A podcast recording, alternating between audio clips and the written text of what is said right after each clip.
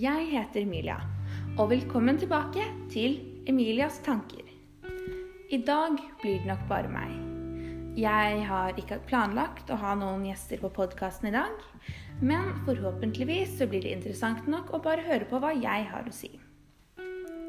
Dagens episode har tema koronatider.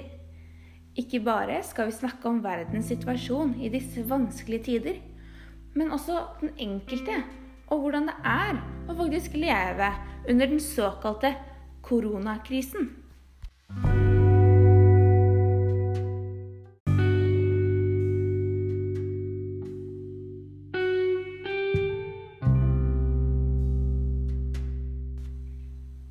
Det er mange som lurer på hva dette koronaviruset egentlig er. Det er uheldigvis mye falsk informasjon som går rundt som gjør at til og med folk i høy posisjon blir forvirra. Um, ehm, ta f.eks. Amerikas president, Donald Trump. Han som kommer med mange forslag til til og med kurer og vaksiner. Problemet her er at han ikke helt vet hva han snakker om.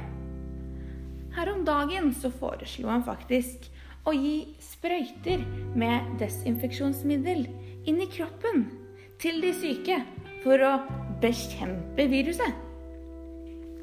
Senere så har han jo sagt at dette var ment som sarkasme, men det førte likevel til at flere ble innlagt på sykehus etter å ha drikket antibac eller lignende. Gjør deg godt kjent med saken før du kommer med råd, er alt jeg har å si.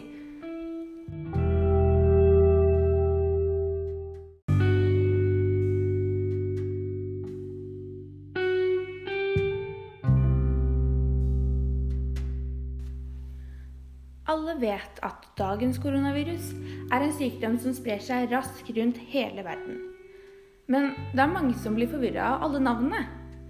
Skal vi kalle det koronavirus? Covid-19? SARS-CoV-2? Vel, jeg kan hjelpe. Koronavirus er faktisk en kategori for flere typer virus.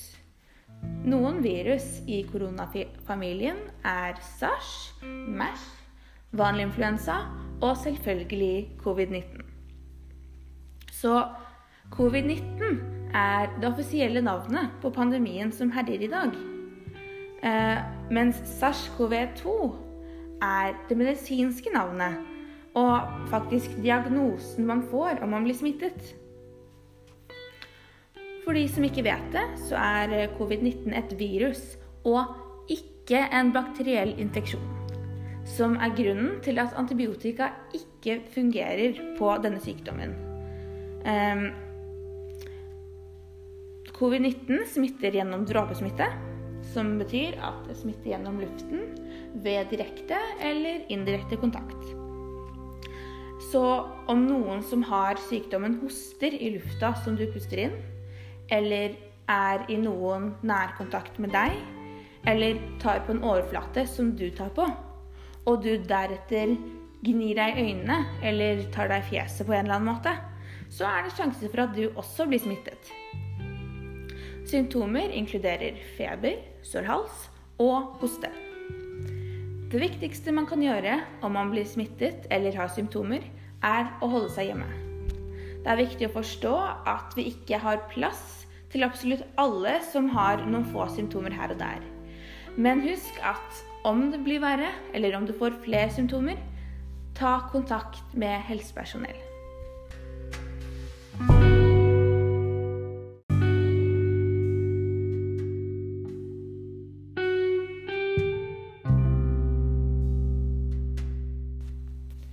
Etter viruset ble oppdaget i Wuhan, Kina i januar 2020, så ble ting gradvis mer ekstremt. Folk i den asiatiske delen av verden ble satt i karantene, isolasjon, og livene deres ble snudd helt opp ned. Her i Norge så var det jo selvsagt noen som var redde, men mesteparten sa at dette var noe som kom til å gå over. At vi var godt beskyttet, og at viruset aldri kom til å rekke hit. Og det her gjelder også offentlige personer, bare for å si det sånn. Men allerede i mars i år så ble barnehager og skoler stengt For første gang siden andre verdenskrig. Da vet man at det er seriøst. De fleste voksne fikk også beskjed om å jobbe hjemme. Forskjellige land tok forskjellige tiltak. Men alt i alt så ble dette en kamp. En kamp mellom våre vanlige liv og en dødelig sykdom. Det er ingen fasitsvar på hva vi skal gjøre som land. Norge trår heldigvis forsiktig. Vi har begynt med å gjenåpne barnehager og barneskolen. Men med ekstra strenge regler om hygiene, selvsagt.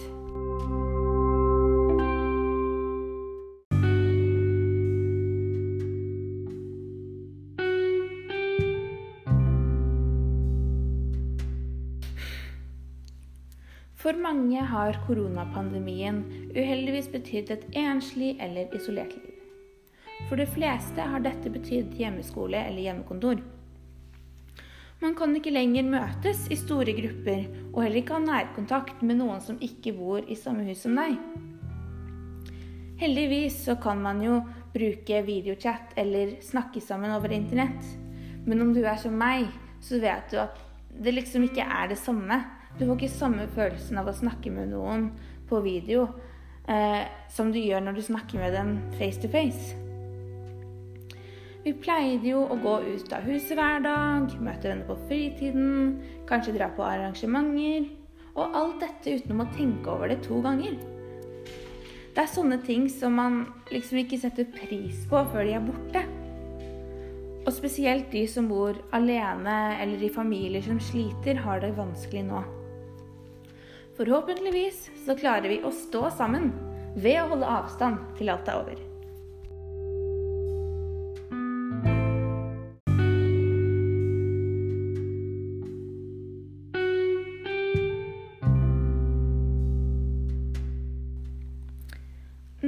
Mitt liv, så er det for mesteparten egentlig bare kjedelig. Siden jeg går i 10. klasse, så har jeg hjemmeskole hver dag fra klokka 9 til klokka 2. Og mamma er vanligvis ikke hjemme. Hun jobber nemlig lange dager på både skole og SFO.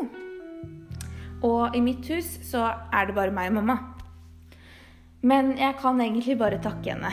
Fordi hun er en av dagens helter som hjelper med å holde verden oppe. Heldigvis får jeg jo snakka mye med vennene mine. Og ellers så har jeg jo hunden min. Det er alt jeg trenger. Jeg er den typen som bare tar det som det kommer.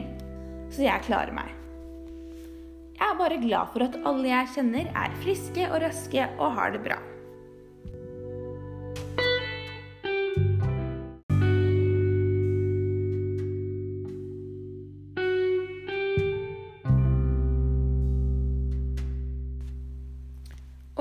Når det kommer til mine tanker på verdenssituasjonen, så syns jeg vi bare skal gjøre det vi kan, sånn som vi allerede har gjort. Som alt annet så kommer dette til å gå over. Ingenting varer evig. Pandemien varer ikke evig. Mitt råd er bare å holde seg sterk og bekjempe viruset ved å ta gode beslutninger. Det spiller altså ingen rolle hvor mye du lengter etter en stor godteripose. Ikke ta turen til Sverige. Takk for meg, og forhåpentligvis så møtes vi igjen snart.